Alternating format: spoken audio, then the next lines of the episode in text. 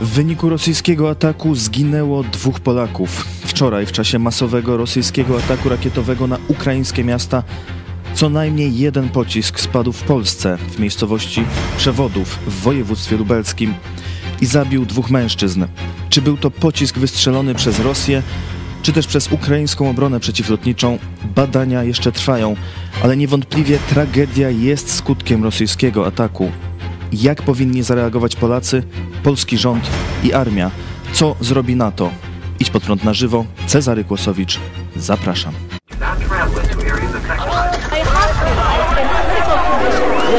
Przestępcami.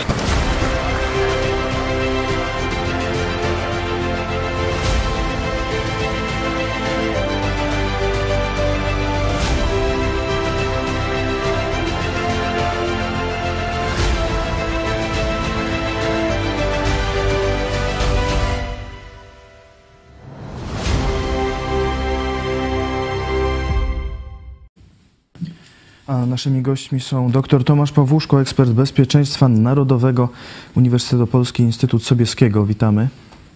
Dzień dobry Państwu. E, Oraz pastor Paweł Chojecki, szef telewizji Idź Pod Prąd. Witam Ciebie, naszego gościa i Państwa bardzo serdecznie. E, Powiedzcie panowie najpierw, jaka była wasza pierwsza reakcja na doniesienia wczorajsze o rakietach, które spadły na Polskę? E, Doktor Tomasz Pawłuszko. No, taka pierwsza reakcja y, to była oczywiście nie na samo wydarzenie, tylko na jakąś panikę w internecie, która się pojawiła. Y, Ja akurat o trzeciej nad ranem skończyłem tekst o ochronie ludności i nagle się okazuje, że ta ochrona ludności rzeczywiście ma pewien kłopot. I taki pierwszy domysł to jest fakt, że zabłąkana rakieta rosyjska. A druga opcja no to jest to, że Ukraińcy tą rakietę próbowali zestrzelić jakimś swoim pociskiem przeciwrakietowym. No i tak jak pan redaktor powiedział, ustalenia trwają, ale dookoła całego wydarzenia bardzo dużo chaosu informacyjnego. No ja sobie pomyślałem o tych mieszkańcach rejonów przygranicznych, Chrubieszów, przewodów, Tomaszów Lubelski i tak dalej. Myśmy już od lat zwracali uwagę, jeszcze przed wojną Putina, zwracaliśmy uwagę, że to są ludzie, e, którzy tak jak kiedyś na Kresach, no, e, jeśli chodzi o nielegalną e, emigrację, jeśli chodzi o infiltrację przez rosyjską agenturę, przecież te granice właśnie Rosja do tych celów destabilizacyjnych, rabunkowych i tak dalej może wykorzystywać. I to są ludzie, pozostawieni przez państwo polskie bez kompletnie żadnej, podkreślam, praktycznie żadnej opieki, bo rzadkie posterunki Straży Granicznej tej nie zapewnią tej ochrony. Mamy bliskich z tych rejonów w naszej redakcji, są z Chrubieszowa, właśnie z niedaleko tam przewodowa osoby. Także wiemy, jak tam jest, że owszem, Straż Graniczna gdzieś tam się pojawia, ale ci ludzie są zdani tylko na siebie. I nasz postulat z 2016 roku, żeby w powiatach przygranicznych, szczególnie przy granicy, w granicach tych niestabilnych, no bo tam powiedzmy przy granicy z Czechami, no to niekoniecznie, ale przecież mamy granicę z Rosją, obwód królewiecki, Białoruś, Ukraina, nigdy to nie były spokojne granice, żeby już dawno tym ludziom dać dostęp do broni, przynajmniej tej gładkolufowej, takiej przysłowiowej dubeltówki, żeby odpędzić intruza, nie być bezbronnym. Kiedy rozpoczęła się wojna w Ukrainie, kiedy Putin zaatakował nasz bratni naród, mówiliśmy, wolne niebo dla Ukrainy, bo te rakiety, które spadają dzisiaj na ukraińskie miasta, spadną kiedyś nad Polskę. Takie minimum to było dla Putina. Strzeż się, żeby jakakolwiek twoja rakieta przekroczyła pas 100 kilometrów od polskiej granicy. Tego nie zrobiono. Dzisiaj ci ludzie uciekają, dzisiaj ci ludzie płaczą nad swoimi zabitymi, dzisiaj mamy sieroty na polskiej ziemi zabite przez Putina. To wszystko jest zaniedbaniem państwa polskiego i NATO.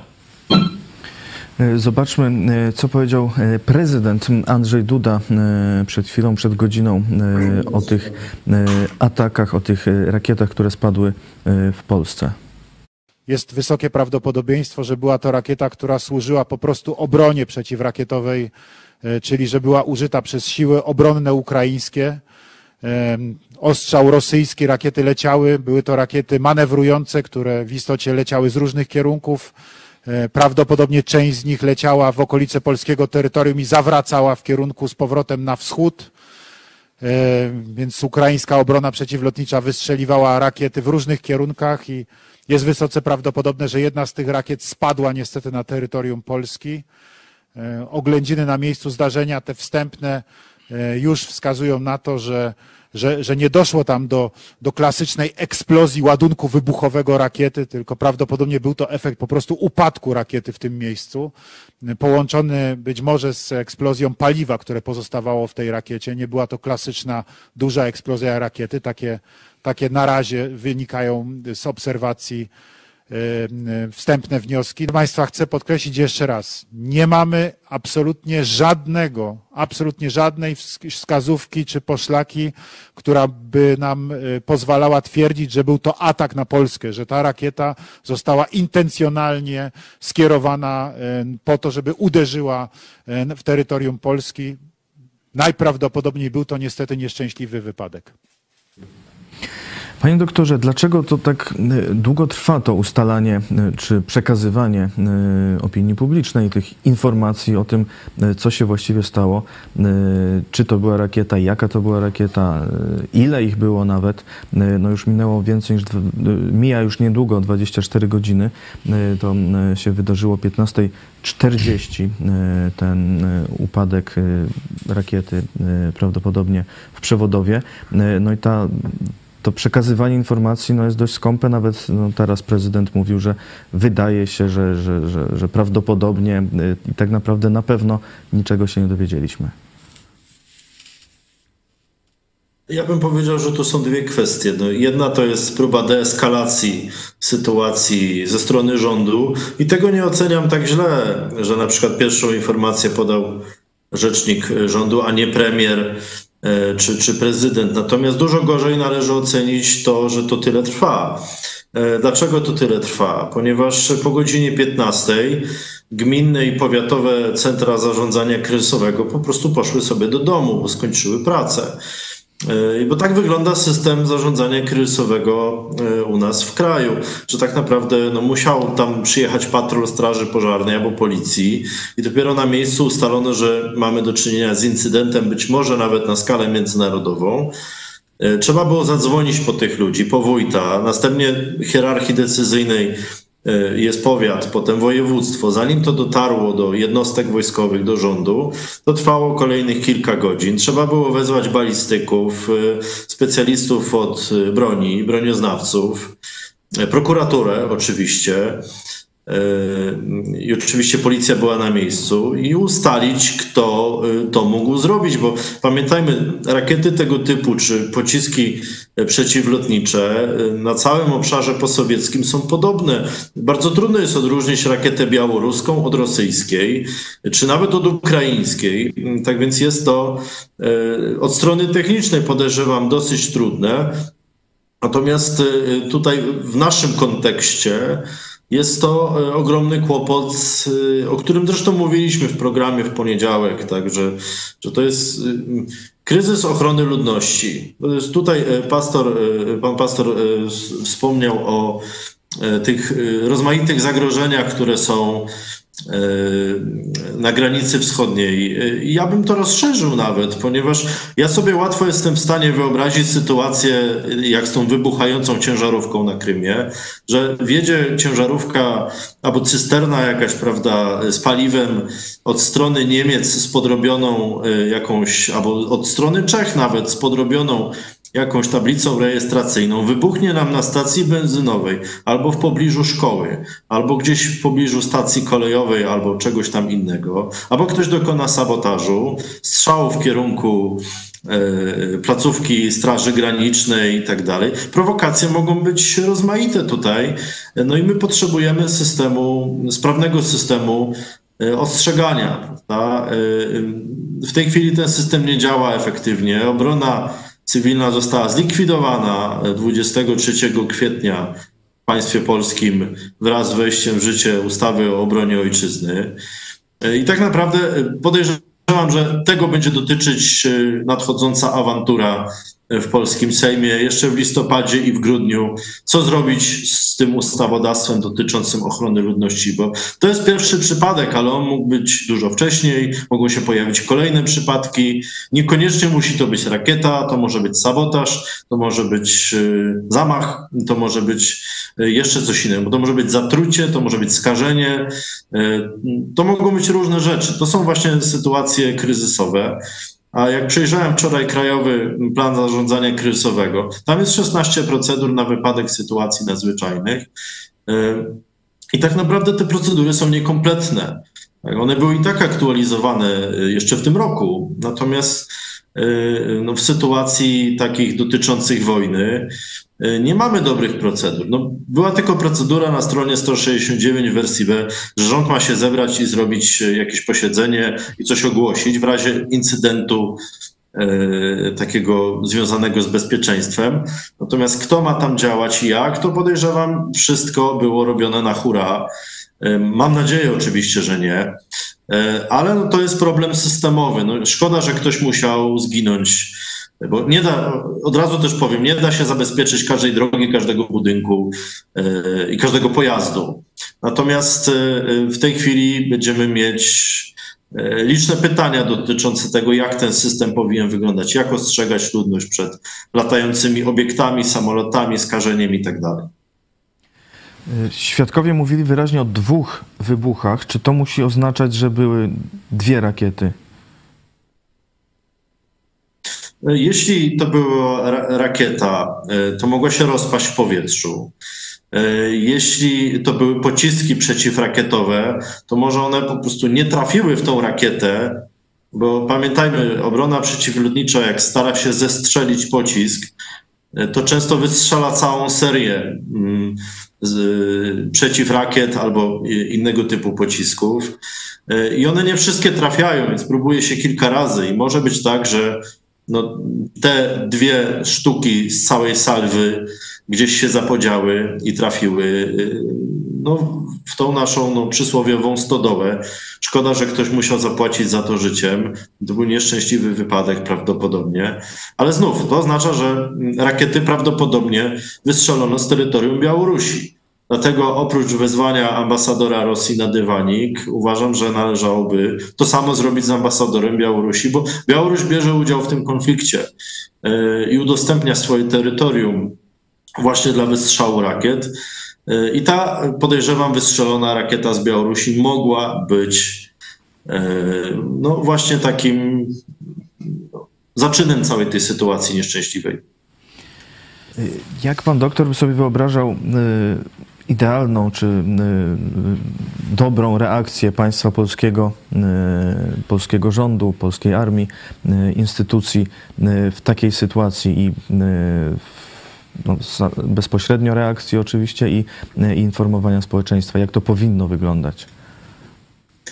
Myślę, że reakcja powinna być dużo szybsza. Powinny być informacje z Rządowego Centrum Bezpieczeństwa, które się zajmuje głównie w tej chwili komunikatami pogodowymi, a nie informacjami o zagrożeniach.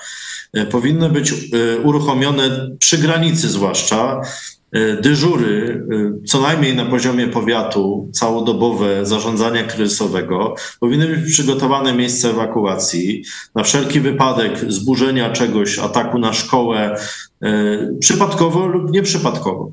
Ten system oczywiście kosztuje, ale no, w ten sposób dba się o bezpieczeństwo, że te służby są w pogotowiu.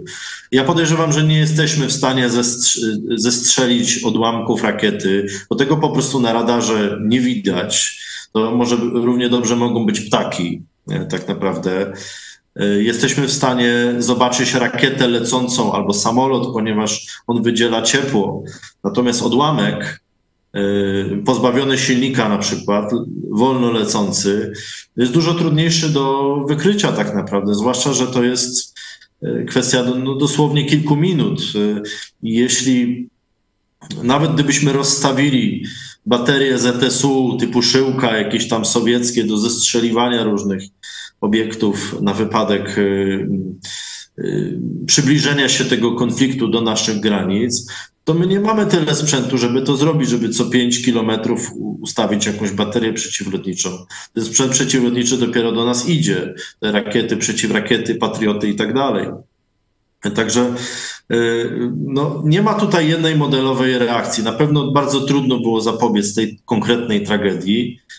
E, bo po prostu ludzie znajdowali się w pracy po godzinie 15 i coś tam ładowali na ciągnik. E, I, i tak naprawdę no wielka szkoda. Natomiast gdyby to było po prostu zniszczenie mienia e, bez ofiar, no wtedy podejrzewam, że sprawa by została po prostu przykryta. Ale że są ofiary, mamy incydent międzynarodowy, no te konsekwencje sięgają Stanów Zjednoczonych i Japonii, prawda? Więc to jest E, ważne, żeby Polska zareagowała dobrze, szybciej i też systemowo, da, z kontaktem z sojusznikami, e, większą aktywnością i mm, premiera, i ministra, wojewody, bo takie sytuacje mogą się po prostu powtórzyć, jeśli Rosjanie uznają, że e, w ten sposób pokażą słabość polskiego rządu, że o proszę bardzo, tutaj Polacy mieli budować płot przy granicy z Kaliningradem, to my im pokażemy w innym odcinku, że, że tutaj czegoś tam nie przypilnowali. Prawda? Więc takich luk w systemie bezpieczeństwa może być mnóstwo, y, ale ważne jest ostrzeganie ludności cywilnej, zwłaszcza na terenach przygranicznych, regularne. Nie wiem, czy Państwo dostajecie na Lubelszczyźnie właśnie coś z RCB, czy z lokalnego Centrum Zarządzania Kryzysowego jakieś informacje. No przecież je, napływ uchodźców, cokolwiek, prawda? Jeśli nie, no to jest poważny problem. Czy te wojewódzkie centrum zarządzania kryzysowego e, dobrze pracuje, czy ma e, dość etatów, czy ma sprzęt? Ja nie mówię, że mają mieć radary, prawda, ale żeby ten mechanizm decyzyjny, żeby te procedury y, operacyjne były naprawdę realizowane. Tak? Bo w takich sytuacjach przecież mogła wybuchnąć panika. Gdyby to było na przykład, nie wiem, no, no ja mam rodzinę w Werbkowicach, ale powiedzmy no, Chrubieszów to już jest miasto kilkunastotysięczne. Gdyby to spadło na rynek, no to byłaby panika, to byłaby ewakuacja, ucieczka z miasta, prawda? E, I, gdyby tam trzeba było czekać na reakcję przez kilka godzin, no to mogłoby się zamienić to w kolejne ofiary e, albo w jakąś kradzież, jakieś różne inne sytuacje, bo ludzie by pomyśleli, że Y, jakieś oddziały białoruskie czy, czy rosyjskie robią dywersję, tak? No to jest człowiek bez dostępu do informacji myśli sobie różne rzeczy. Także tutaj taką polityka informacyjna, y, przynajmniej regionalna, moim zdaniem zawiodła. Y, pastor Paweł Chojecki, jak ty oceniasz tę reakcję rządu, informowanie o tym wydarzeniu? No to jest państwo z dykty, to już wiemy od lat. Tu piętnowaliśmy zachowania naczelnika państwa, E, Jarosława Kaczyńskiego, który teraz jakoś, nie wiem, zaczął w szyję dawać, czy co? Co on robi? Czego on nie wystąpi? Nie, tu jakoś... Widać go było na zdjęciach na, przed spotkaniem no tak, BBN-u, gdzie ale ja chciałem, żeby chociaż do... się spóźnił. No bo może właśnie szyja nie taka. E, dlaczego nie ma komunikatu do narodu? Zobaczcie, codziennie jeździł i oplatał bzdety przeróżne po, e, cały, po różnych miejscowościach Polski, oddawaniu w szyję, o różnych takich próbował obrazić to młody to starych, to takich, to owakich, e, w momencie, kiedy my mówiliśmy, jesteśmy w stanie wojny, jesteśmy zagrożeni. Stary dziadu, zajmij się czymś porządnym, a nie dawaniem w szyję, będziesz opowiadał, nie? To jest, dla mnie to mnie trzęsie, kiedy widzę takie naigrywanie się z najważniejszych spraw państwa polskiego, kiedy ludzie są bezbronni, bez informacji, po 15 już nic nie działa. No toż to pan y, doktor ekspert mówi, że po 15 nie działa, można powiedzieć, centrum kryzysowe, no bo poszli, robota się skończyła, no to Putin strzela 15.40, no i już, no. Także to jest, to jest żenada. Reakcja prezydenta Dudy, no to kolejna żenada. Zobaczcie, ja mam proces, teraz będzie apelacja 22, za to, że powiedziałem, w jaki sposób oceniam to, co Duda e, o Rosji, że nie jest zagrożeniem, że to taki inny sąsiad i tak dalej, co Duda przed tam, nie wiem, czterem czy czterech latach mówił o Rosji. Kiedy myśmy mówili, że oni szykują się do wojny razem z komuchami chińskimi i strzeżmy się, przygotowujmy się, działajmy. To on mówił, że to nie jest zagrożenie. A teraz mówi, że to jest nieszczęśliwy wypadek. Nieszczęśliwy wypadek. To może niech powie, że to operacja specjalna. Przykład z życia. Kiedy dzieci bawią się zapałkami koło stodoły, a potem stodoła staje w ogniu, to ktoś przy zdrowych zmysłach powie, że to nieszczęśliwy wypadek? Tyle. E, Panie doktorze, jeszcze chciałem zapytać, jaka e, może być e, i jaka powinna być reakcja Zachodu, Sojuszu Północnoatlantyckiego. Był wspominany artykuł czwarty. Polska miała rozważyć, czy znowu go nie zastosować. W jakim celu stosuje się ten artykuł czwarty? E, Co to może dać? Artykuł czwarty to są konsultacje. Ostatnio na przykład kraje bałtyckie zwoła, przywołały artykuł czwarty po to, aby skonsultować e, właśnie sytuację związaną z wojną rosyjsko-ukraińską. To jest taki najwyższy mechanizm proceduralny w sojuszu dotyczący ten polityczny, nie militarny. Natomiast e, e, dzisiaj odbywa się też Rada Północnoatlantycka, więc podejrzewam, że sojusznicy w ramach normalnego trybu będą się chcieli od nas dowiedzieć, co się wydarzyło e, i dlaczego. Bo oczywiście no, wszystkie państwa wiedzą, mają wywiad, jak działają struktury bezpieczeństwa sąsiadów i sojuszników bo to musi być swoją drogą jakoś uregulowane. I tak naprawdę tutaj piłeczka jest po stronie naszego rządu, tak? bo jeśli się okaże, że to był pocisk ukraiński, no to nie będzie to nie będzie to, podejrzewam, grzane po to, żeby nie podsysać nastrojów antyukraińskich. Natomiast na pewno spodziewałbym się jakiejś reakcji rządu po to, żeby NATO wsparło pogranicze wschodniej flanki, tam gdzie te rosyjskie rakiety celowo lub niecelowo mogą spaść. Bo to się może wydarzyć, prawda? To mogą być nawet ćwiczenia, tak zwane ćwiczenia, prawda? albo samowola jakiegoś żołnierza nawet. Tak? Więc to jest wszystko możliwe. Należy minimalizować ryzyko takich sytuacji. I tego bym się spodziewał. Na pewno pytano Amerykanów o trajektorię lotu, czy oni coś widzieli na radarze. Na pewno pytano Ukraińców. No i z uwagi na dalszą współpracę, prawdopodobnie w tym trójkącie będą się toczyć rozmowy, jak dalej to przeprowadzić. Na pewno Polsce udaje się za, zabezpieczyć kontrwywiadowczo te wszystkie transporty, które idą na Ukrainę, to akurat idzie dobrze. Natomiast no, zaniedbany jest, o czym już mówiliśmy wielokrotnie, ten mechanizm cywilny i tutaj każdy kraj musi zrobić swoje. Tu Amerykanie y, haubic nam na terytorium swoim czy obrony przeciwlotniczej tak o po prostu nie postawią, bo po prostu nie mogą. Tak? Natomiast no, ja zwracam uwagę, że było już od 2006 roku już co najmniej sześć projektów ustawy. Większość przygotowywali strażacy, ustawy o ochronie ludności. Żaden nie został uchwalony. Za to w Sejmie mamy takiego w tej chwili trochę bubla prawnego w postaci, no każdy z Państwa może to sobie sprawdzić, ustawa, projekt ustawy o ochronie ludności i o stanie klęski żywiołowej, liczący ponad 100 stron projekt, który tak naprawdę jest kopią rozwiązań covidowych, czyli że rząd na 30 dni będzie mógł zwykłym rozporządzeniem zamknąć kraj, tak jak, tak jak w czasie COVID-a, prawda? Włącznie z likwidacją RCB, powołaniem jakichś nowych służb. I ja podejrzewam, że właśnie ta awantura będzie dotyczyć tego w Polsce, jak zabezpieczyć ludność, bo tutaj nikt za nas tych problemów nie rozwiąże. Różne kraje mają różne rozwiązania. Czesi mają pułk obrony cywilnej, Hiszpanie mają wojska ratownicze, Włosi mają służbę cywilną i tak dalej. Także każdy, każdy kraj ma jakąś swoją procedurę.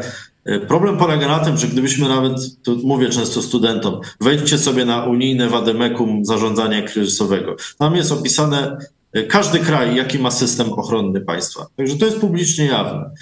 Można sobie kliknąć na polski system, gdzie w ogóle połowa ikonek jest nieaktywna, bo nawet nikt tego nie uzupełnił. Także no to jest skala zaniedbań, które niestety w przyszłości, w razie poważniejszych zdarzeń, mogą grozić większym skupiskom ludzkim, prawda? Bo to są miejsca ewakuacji, to są schrony, to jest odkażanie, to jest przechowywanie zasobów. Dlaczego myśmy w czasie COVID-a sprowadzali maseczki i ten cały sprzęt? No właśnie dlatego, że w Polsce tego nie było. Nasze magazyny sprzętowe, rezerwy materiałowe, magazyny logistyczne obrony cywilnej nie istniały albo istniały i zawierały maski z lat 70., bo to Najwyższa Izba Kontroli sprawdzała ten system co najmniej cztery razy w poprzedniej dekadzie.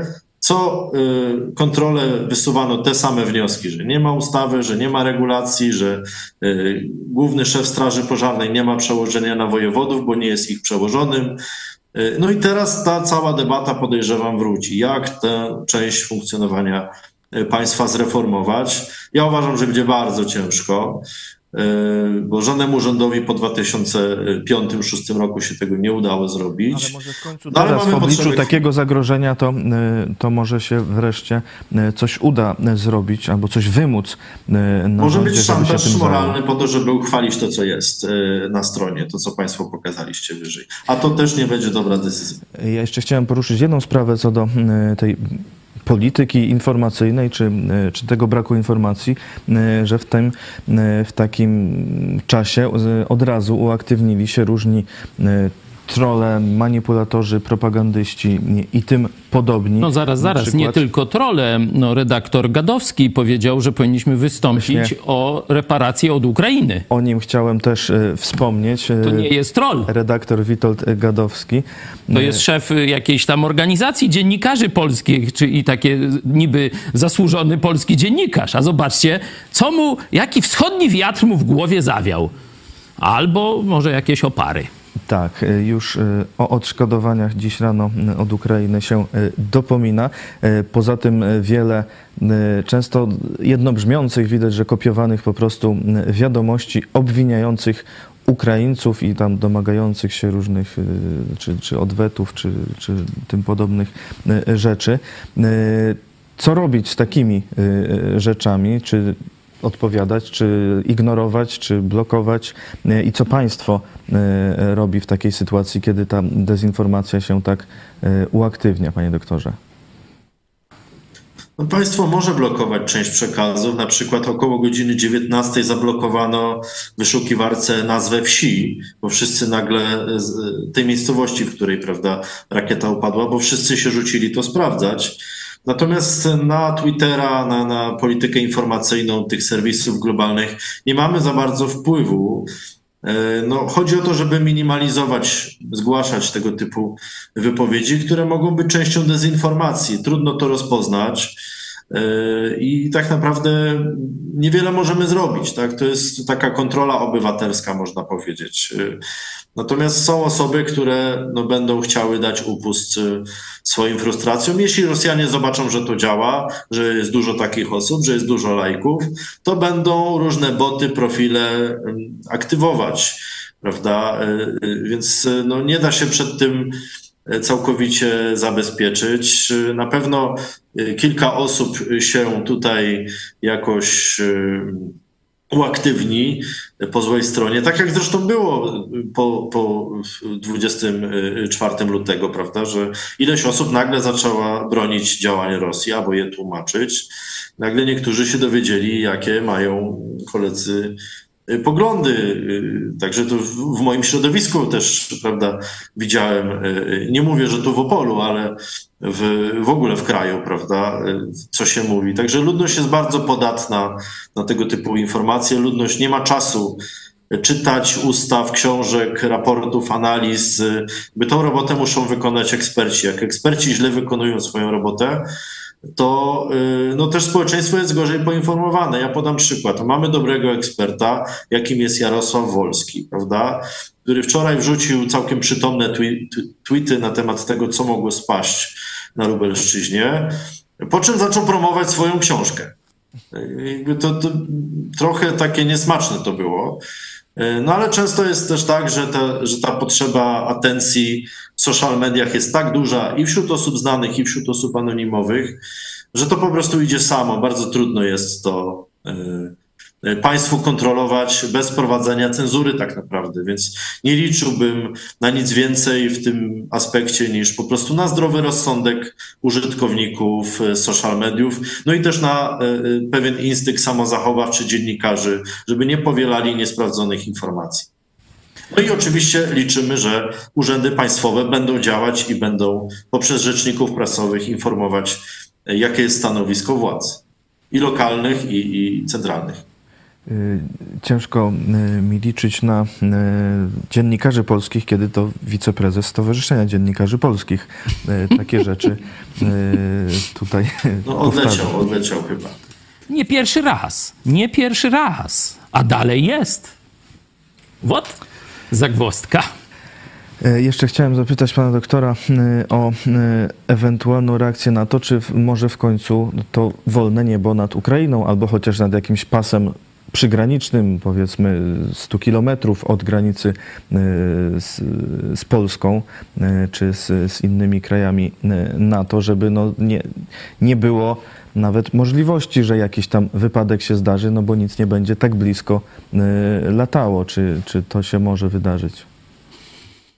Myślę, że tą debatę warto podjąć, natomiast nie liczyłbym, że ona zostanie w jakiś sposób rozwiązana, e, ponieważ to będzie kolejny, kolejna sytuacja, którą Rosjanie mogą wykorzystać do prowokacji. tak? Nie, może być tak, że nie będziemy w stanie wyegzekwować tego czystego nieba, pomimo że wzdłuż wschodniej flanki NATO latają non-stop samoloty bojowe e, z naszej strony, to nie jesteśmy w stanie po prostu skontrolować wszystkiego.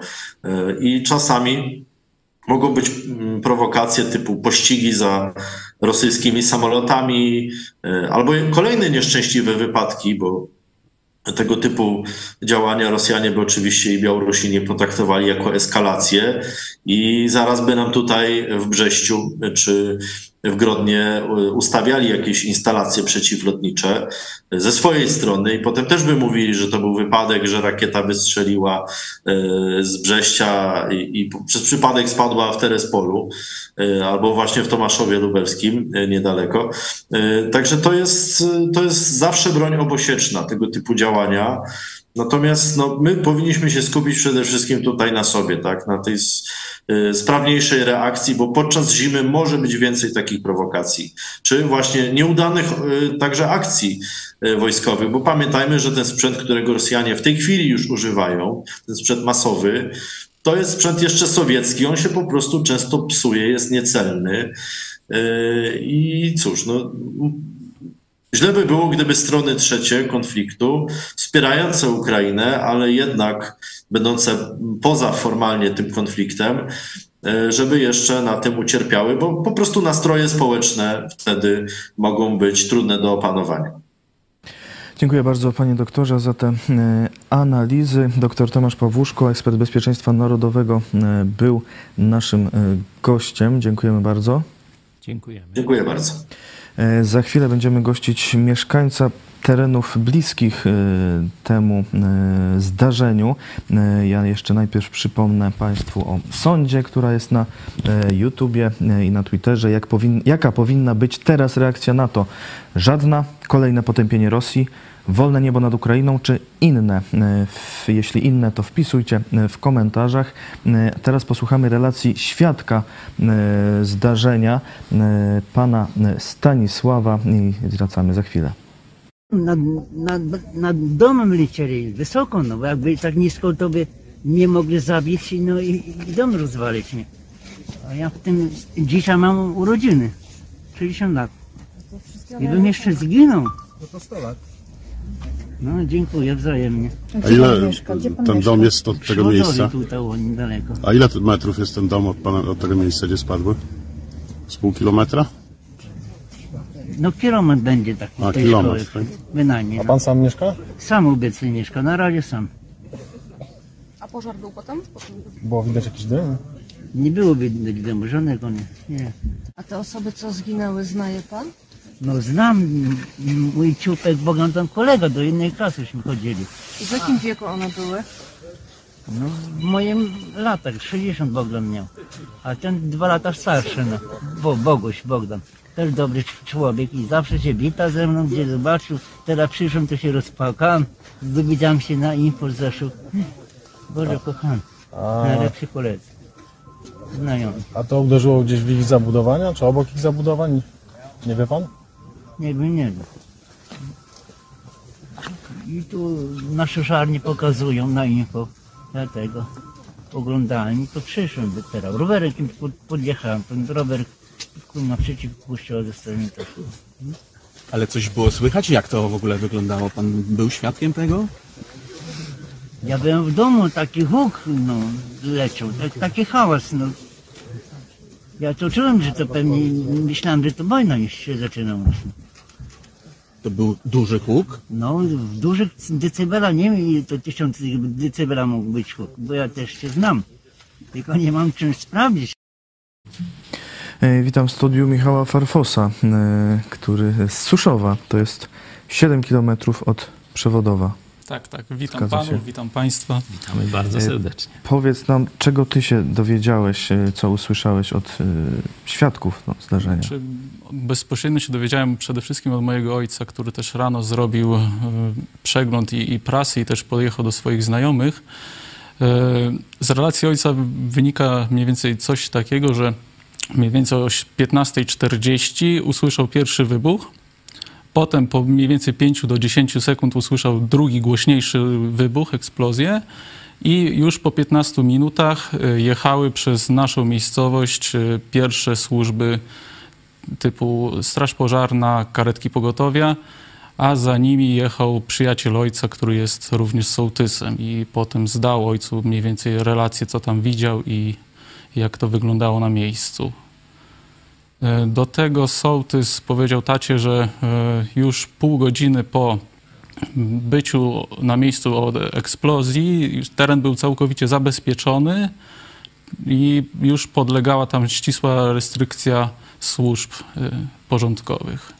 Czy już nie, nie można tam było e, Nie można już tam było swobodnie wjechać, wszystko podlegało kontroli. Też tata, jak był dzisiaj z mamą, po prostu zobaczyć miejsce zdarzenia, też przeszli przez dwie kontrole i w zasadzie nie zbliżyli się zbyt blisko do, do miejsca. E, Czy, wie, czy, czy wiemy coś o e, ofiarach tego e, zdarzenia? Są to dwaj mężczyźni. Jeden był traktorzystą, drugi był wagowym, czyli przyjmował e, te zboże, które przyjechało na, na, na przyczepie. E, Nic więcej mój ojciec nie może powiedzieć, bo jest zbyt wiele plotek na, na ten temat. Mhm. E, W mediach pojawiły się e, imiona tych e, panów Bogdan i Bogusław. Jeden z nich wiemy, że przynajmniej jeden z nich że miał dzieci, ale mieszkały już w innej miejscowości. Razem z żoną opiekowali się matką, także no tu obaj, obaj pozostawili żony owdowiałe. E, No, to, to, to wiemy z ustaleń e, mediów. E, To się stało podczas no, ten ciągnik z kukurydzą tak miał ważyć, czyli e, rozumiem, że te, te belki, które widzimy, to są części tej, tej wagi. Tak, tak. Bo niektórzy sugerowali, że to jakieś tory kolejowe. To, to nie, tam nie. To nie, To nie jest tory to. kolejowe, tak wygląda waga klasyczna. Jak ty powiedz teraz y, czujesz się, czy jak zareagowałeś na, na wieść o tym, no, że rakieta spadła praktycznie nieopodal twojego domu rodzinnego? Mm, To znaczy, jak gdy usłyszałem tą wiadomość, to tak trochę stanąłem jak słup i jakby powróciły do mnie te myśli, które miałem na początku e, konfliktu w marcu, że w zasadzie takie czy intencjonalne, czy też nieintencjonalne ataki, czy, czy spadające bomby, no, są w miejscu mojego dzieciństwa, nie? Że, że praktycznie człowiek nie czuje się bezpiecznie, ani też e, nie jest taki bezradny w stosunku do tego, że, że może nagle na niego spaść bomba. I to samo potwierdził mój ojciec, że właśnie czuje taką bezsilność, bezradność i um, tak też do niego wróciły te myśli właśnie z początku wojny, że Na początku też się czuli tak, tak zagrożeni, potem to przycichło, też było wiele szumu o tym, że, że NATO cały czas lata nad, nad Polską, że jesteśmy bezpieczni, a tu się okazuje, że nie do końca tak jest i że w tym pasie przygranicznym spadają bomby i zabijają polskich obywateli. No, gdyby Rosja chciała, Rosja czy jej przydupa z Białoruś, nie, bo to tu pan doktor mówił, że jest wysokie prawdopodobieństwo, że to Białoruś e, wystrzeliła na rozkaz Moskwy, nie, żeby testować odpowiedź Polski, odpowiedź NATO, odpowiedź Stanów e, Zjednoczonych. To jest bardzo, myślę, ważna, ważna taka poszlaka i jeden z bardziej takich, ja bym badał właśnie ten wątek naj, najbardziej, no ale powiedzmy, że do końca tego nie wiemy, ale gdyby Białorusi czy Rosji chciało się trochę dalej sięgnąć, to my jesteśmy tu e, nieopodal Lublina, to ta rakieta z twojej miejscowości do nas leciałaby 50 sekund.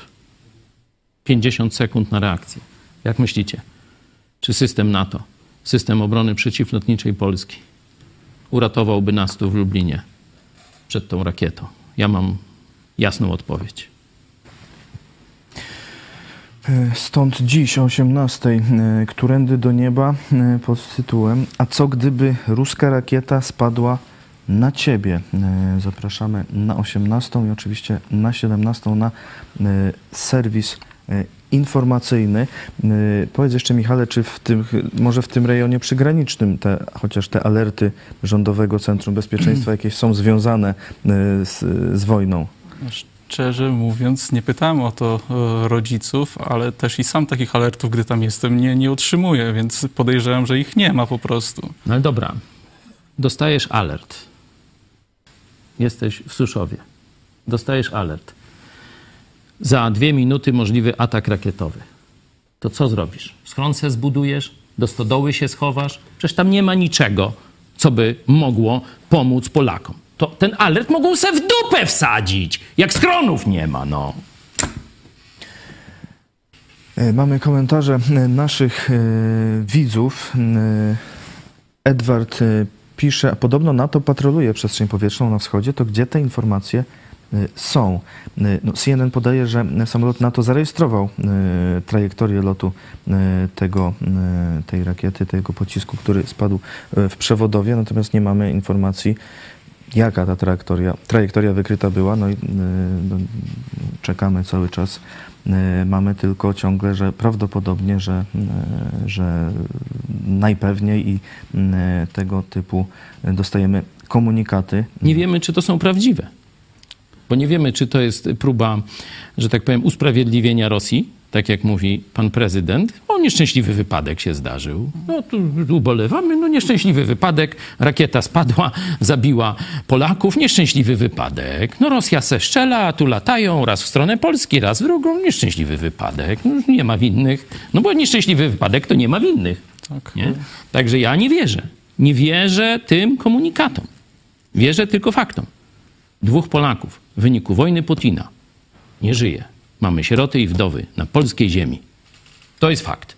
A reszta to są syrenie śpiewy. E, Tomek pisze, e, czy to rakieta rosyjska, czy ukraińska, to ruski ambasador Won. I białoruski razem z nim. I białoruski. E, no tymczasem rosyjski ambasador. A jeszcze ten został... z Korei Północnej. I z Chin. O. No to już mamy kompleksowe rozwiązanie sytuacji. Jeszcze możemy Iran e, dołożyć. Rosyjski ambasador został wezwany do MSZ-u.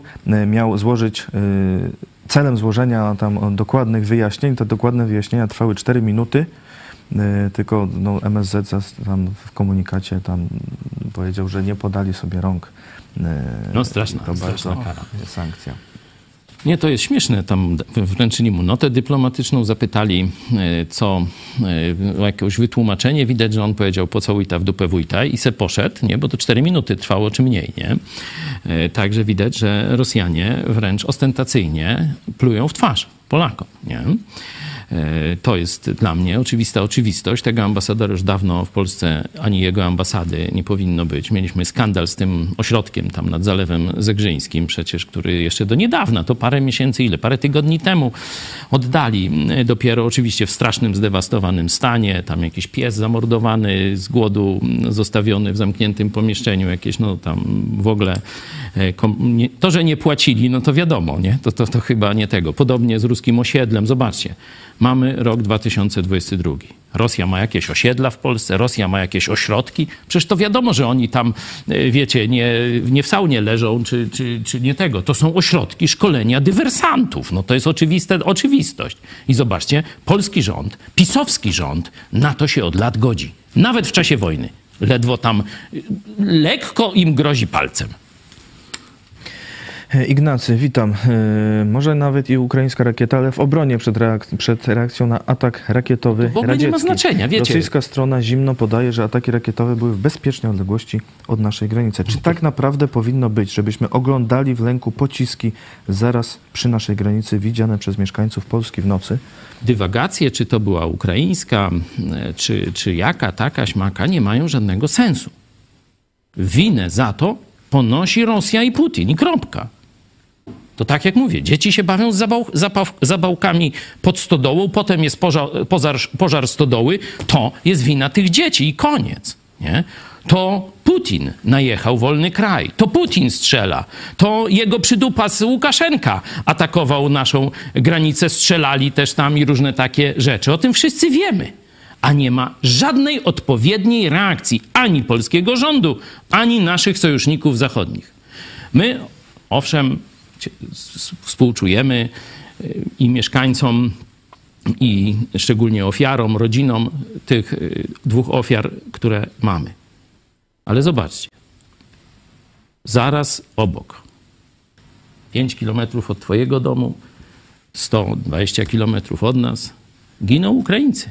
Od tych samych rakiet, od tych samych bomb, tylko że na skalę masową. A świat patrzy. A świat Ławrowa, zbrodniarza, zaprasza na jakieś Bali, G20. No ja napi- akurat na Twitterze, no bo tyle, tyle mogę. Pytałem, dlaczego on stamtąd wolny wyjechał. No właśnie. Dlaczego go nie wsadzili, że tak powiem, w tiurmu, nie? Dlaczego dalej handel? Porównywali handel od wybuchu wojny. Niemiec i tak dalej. Obroty rosną. Obroty z kacapem rosną. Czyli świat dalej zarabia na ukraińskiej krwi. Co to jest? To jest zabawa w ciuciu babkę, a nie wojna z największym terrorystą w historii świata. Znaczy dokładnie dwoma, bo to są bracia syjamscy nierozłączni, Putin i Xi Jinping. Zresztą Xi Jinping od razu poinstruował tu Europę i świat i Stany Zjednoczone, jak mają, e, mamy reagować. Nie wiem, czy wiecie. Nie eskalować, zachować spokój. Czyli tak, jak zabierali Krym, jak wcześniej strącili polski samolot, jak najechali Gruzję, jak chcieli destabilizować granicę polsko-białoruską, jak teraz najechali całą Ukrainę, jak teraz zabijają Polaków na polskiej ziemi. Nie eskalować. Kto to mówi? Ruska agentura lub chińska, bo to na jedno wychodzi. E, Frank Martin pisze, tymczasem magazyn w Duchnicach koło Warszawy składuje i wysyła dalej do Rosji włoskie wina. No to toż to właśnie o tym mówię. Przecież po tym, co Putin i Rosjanie zrobili na Ukrainie, czyli ludobójstwo, bo to już te, dzisiaj trzeba tak nazwać, powinna być totalna blokada, wyrzucenie, tak jak za Hitlera, wyrzucenie całego personelu. Jeśli trzeba, y, że tak powiem, kontakty dyplomatyczne, to przez państwa neutralne, Szwajcaria i tak dalej, tak jak w czasie II wojny światowej. Cały personel to są szpiedzy, won, nie? Szpiedzy i zbrodniarze, albo dwa w jednym, won. Nie ma blokada granic, nie ma żadnej wymiany handlowej, żadnej tam wymiany y, walutowej, ekonomicznej, SWIFT i nie SWIFT, nie ma niczego. I niech się te ruskie i te Chińczyki, niech się tam, że tak powiem, żrą we własnym sosie. No, z, tym, kim, kim on jest z Korei Północnej. Niech im dostarcza win, y, rozrywek i tak dalej. E, Marcin- mielibyśmy pozamiatane w miesiąc, gdyby była wola Zachodu. Marcin pisze, współczuję naszym rodakom przy granicy z Ukrainą, kondolencje dla rodzin zabitych mężczyzn. Boże chroń Polskę. A pamiętacie, jak ja mówiłem w 2016, 2017, 2018 do dzisiaj, nie? Chiny i Rosja to są zbrodnicze reżimy, które planują atak na świat zachodni, które planują atak na Polskę. To mam proces za nawoływanie do wojny z Koreą Północną. To jest reakcja prokuratury pisowskiej. A szef tej prokuratury, kiedy tam było takie cienkie piszczenie, żeby ograniczyć komunistów chińskich, czyli firma Huawei, żeby nie mogła wchodzić w sieć 5G, to powiedział: Towarzysz Ziobro, prokurator naczelny. Nie wolno dyskryminować chińskich komunistycznych partnerów. To jest PiS. Jak to nie jest? I tu trzy kropki. To co jest? Co jeszcze? Dobra, na polecenie Amerykanów oni parę rzeczy musieli zrobić i zrobili dobrze, jeśli chodzi o politykę zagraniczną i pomoc Ukrainie. Ale przecież to są ci sami ludzie, co wspierali morderców z komunistycznych Chin. To przecież oni witali maseczki, jak przyjechały. To przecież oni szwindel z respiratorami zrobili. To wszystko kato komuna. Nie wierzcie, że Polska jest wolnym państwem. Dlatego wczoraj mówiłem, czas, żeby Polacy się obudzili, żeby przejrzeli na oczy. Bo to, co mówiłeś, 24 lutego wszyscy się bali. Nawet czym bliżej granicy, tym bardziej. Potem, no dobra, Ukraińcy jakoś sobie radzą, to na nich bomby spadają, nie na nas. Jakoś tak, no wraca normalne życie, ludzie przestają się bać.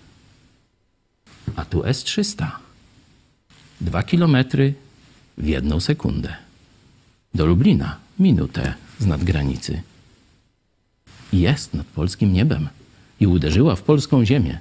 I zabiła Polaków. No to gdzie jest nasze bezpieczeństwo? Jak tam teraz sprowadziłbyś się do Suszowa, tam byś żonę zawiózł, dzieci byś tam wychowywał teraz? Wiedząc, jak działa polska obrona, jak działa państwo polskie? No, na pewno nie, ale y, jeszcze odnośnie nastroju, y, to strasznie jest mi przykro z tego powodu, że był prezydent Biden w Polsce i otwarcie powiedział, że Polska jest bezpiecznym krajem jako część NATO, że, że nie pozwolimy tutaj ginąć na obywatelom y, państw Zachodu, a tymczasem no, spada bomba i giną nasi rodacy. E, I nasze władze też mówiły, że e, jesteśmy e, całkowicie bezpieczni, a teraz mówią, no, że nie da się wszystkich zabezpieczyć. No, Oczywiście, jest, że się da. Co jest? Oczywiście, że się da. Ja nie wiem, nie, absolutnie się nie zgadzam z takim bajdurzeniem, że obrona przeciwlotnicza nie może tam zestrzelić wszystkiego. Przecież obrona przeciwlotnicza to nie jest nasza jedyna obrona. Przecież silne państwo to mówi do agresora: zbliżysz się 100 kilometrów do naszej granicy i po tobie. I po tobie, stary capie, kacapie. To powinno zrobić NATO. To powinny zrobić Stany Zjednoczone. Zbliżysz się, a może być i 200. To po tobie. A oni nic nie robią. A oni mówią, że chce pokoju. A zakłamany katolicki papież co mówi? To nie Rosja morduje. To nie Rosja wojnę. To nie Rosja wysyła rakiety. To Marsjanie i źli najemnicy. A Rosja to humanisty. Noż to mówi wasz papież katolicy. Pójdziecie do kościoła w niedzielę? Dać mu na tacę?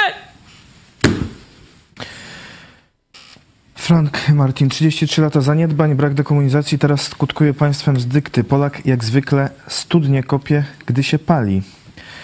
E, Jerzy, tak... Nawet nie wolno mu. Coż ty? Co ty, ty, ty, ty, ty? Zabronione. Verboten, czy jak? Studnie kopać? Toż to przestępstwo. A schron byś se może chciał zrobić. Noż to nadzór budowlany i 50 tysięcy kary. To jest pisowskie, katokomunistyczne państwo. Dziś. Jest 10 lat temu za Platformy. To jest dziś. Jerzy, takie tłumaczenie przez prezydenta Dudę tego przypadku może człowieka załamać i szlak mnie trafia za takie tchórzostwo. Dokładnie tak.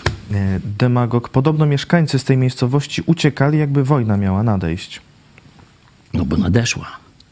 Ten jeden z cytowanych młodych ludzi, co ma małe dzieci. Od razu co zrobiłem? Pierwsze osłupienie. Maryśka, Kryśka, nie wiem jak ma jego żona, pakujemy się i wyjechał.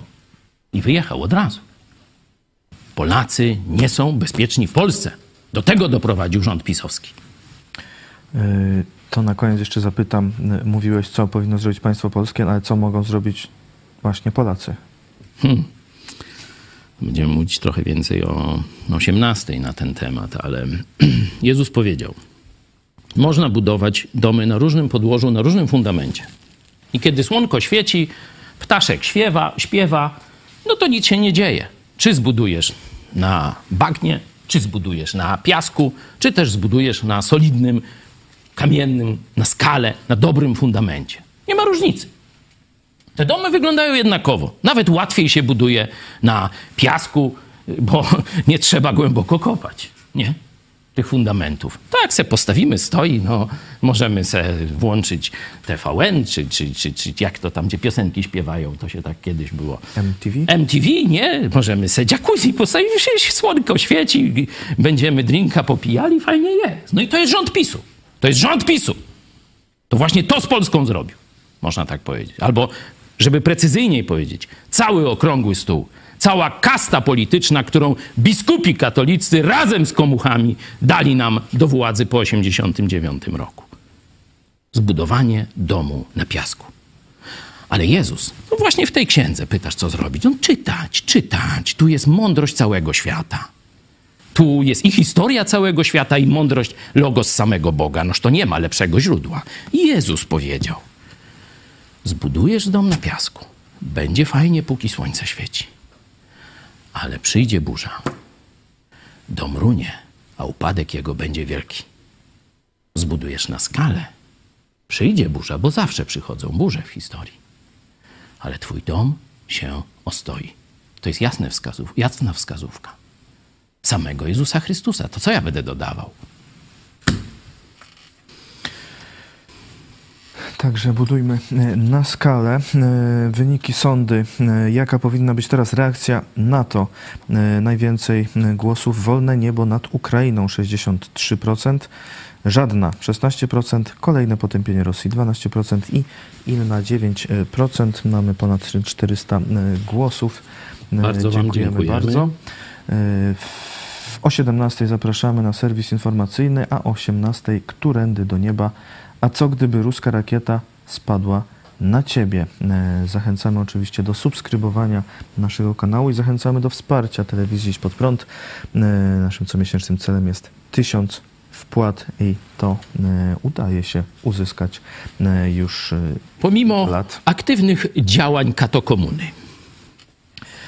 Szczegóły na stronie światprąd.pl ukośnik wsparcie. Zachęcamy też do bezpośredniego kontaktu. E, Zachęcamy do e, zadawania e, nam pytań, zachęcamy do dzielenia się swoimi e, przeżyciami, swoimi wrażeniami. E, Kontakt małpa.pl oraz telefon 536 813 435. E, Powtarzam numer 536 813 435. E, Jeszcze zapraszamy w okolice, e, Trójmia, okolice Trójmiasta. Jutro w Gdyni spotkanie z Joe Osiakiem oraz koncert e, Jerzy Dajuk z żoną i muzykami z Misio Muzyka. To jest czwartek, godzina 18, Gdynia, Kościół Chrześcijan Baptystów, ulica 10 lutego 26. E, A kolejne spotkanie z Joe Osiakiem będzie w Wejherowie w piątek, również o 18. W sobotę spotkanie dla kobiet z Anią Łosiak, żoną Joe Łosiaka. e, W Szczecinie o 18. e, W niedzielę również w Szczecinie spotkanie z Joe i Anią Łosiakami o godzinie 11. E, Szczegóły dokładne na naszej stronie internetowej pod A w Wejherowie to gdzie? W Wejherowie to w Wejherowie. No to właściwie już Nie sami opodal Trójmiasta. poszukać. Nie, no to ja wiem. Weź, nie rób ze mnie tu Nie tak analfabety geograficznego. Chodzi o to, na jakiej ulicy, w jakim budynku i tak dalej. To wszystko na pewno się pojawi wkrótce Dlatego na naszej pytam- stronie internetowej. bo tam mamy bardzo silną grupę biblijną, wiele osób nas tam słucha, także jakbyście chcieli nas spotkać, oczywiście w Gdyni też będziemy, ale w Wejherowie, no to tam mają praktycznie na miejscu, jeśli chodzi o naszą I grupę już mam te informacje. Mieście Wejherowo, Uniwersytet trzeciego wieku, O. ulica Jana III Sobieskiego 239, e, 18 listopada, godzina 18. Mam nadzieję, że młodzi też mogą przyjść, nie? E, oczywiście.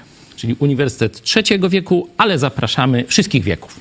Wszystkich, tak, wszystkich wieków e, zapraszamy na te spotkania.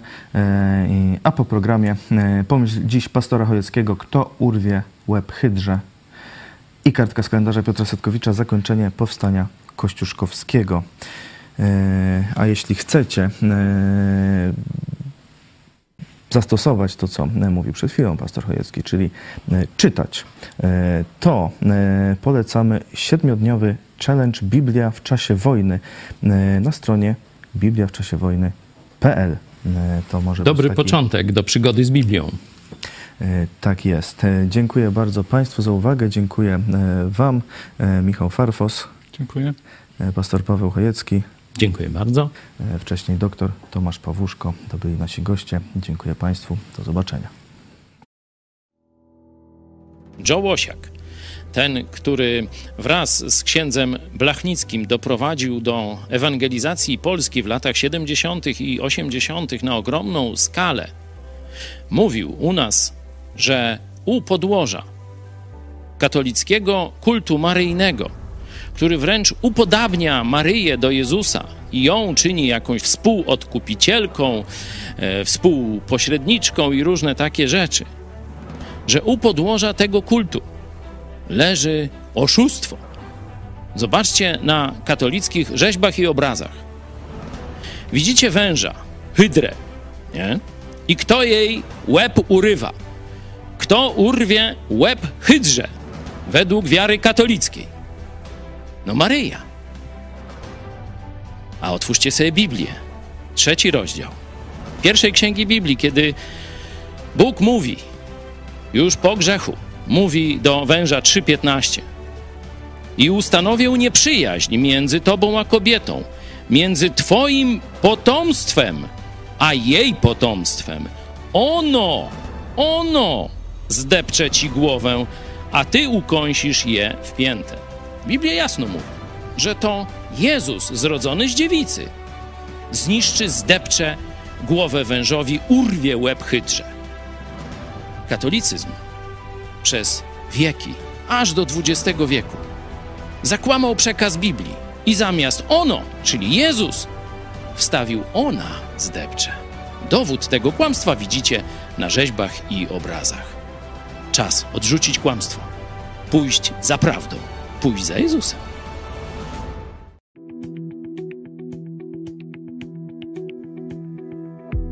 16 listopada 1794 roku generał Tomasz Wawrzecki, zastępujący wziętego do niewoli Tadeusza Kościuszkę, podjął decyzję o zakończeniu powstania. Po rzezi, jaką Rosjanie urządzili na Pradze, Wawrzecki podjął decyzję, aby nie bronić Warszawy. 8 listopada około 10 tysięcy żołnierzy opuściło stolicę i ruszyło na Kielecczyznę, która była w niewielkim stopniu zniszczona walkami, a oddziały austriackie, które można było tam spotkać, unikały walki z Polakami. Wawrzecki liczył na to, że będzie można tam przezimować, a wiosną wznowić walkę z Rosjanami i Prusakami. Wydał rozkaz, by inne oddziały powstańcze operujące na Mazowszu dołączyły do załogi Warszawy. Jednak oddziały powstańcze utraciły chęć do walki. Dezerterowali zarówno żołnierze,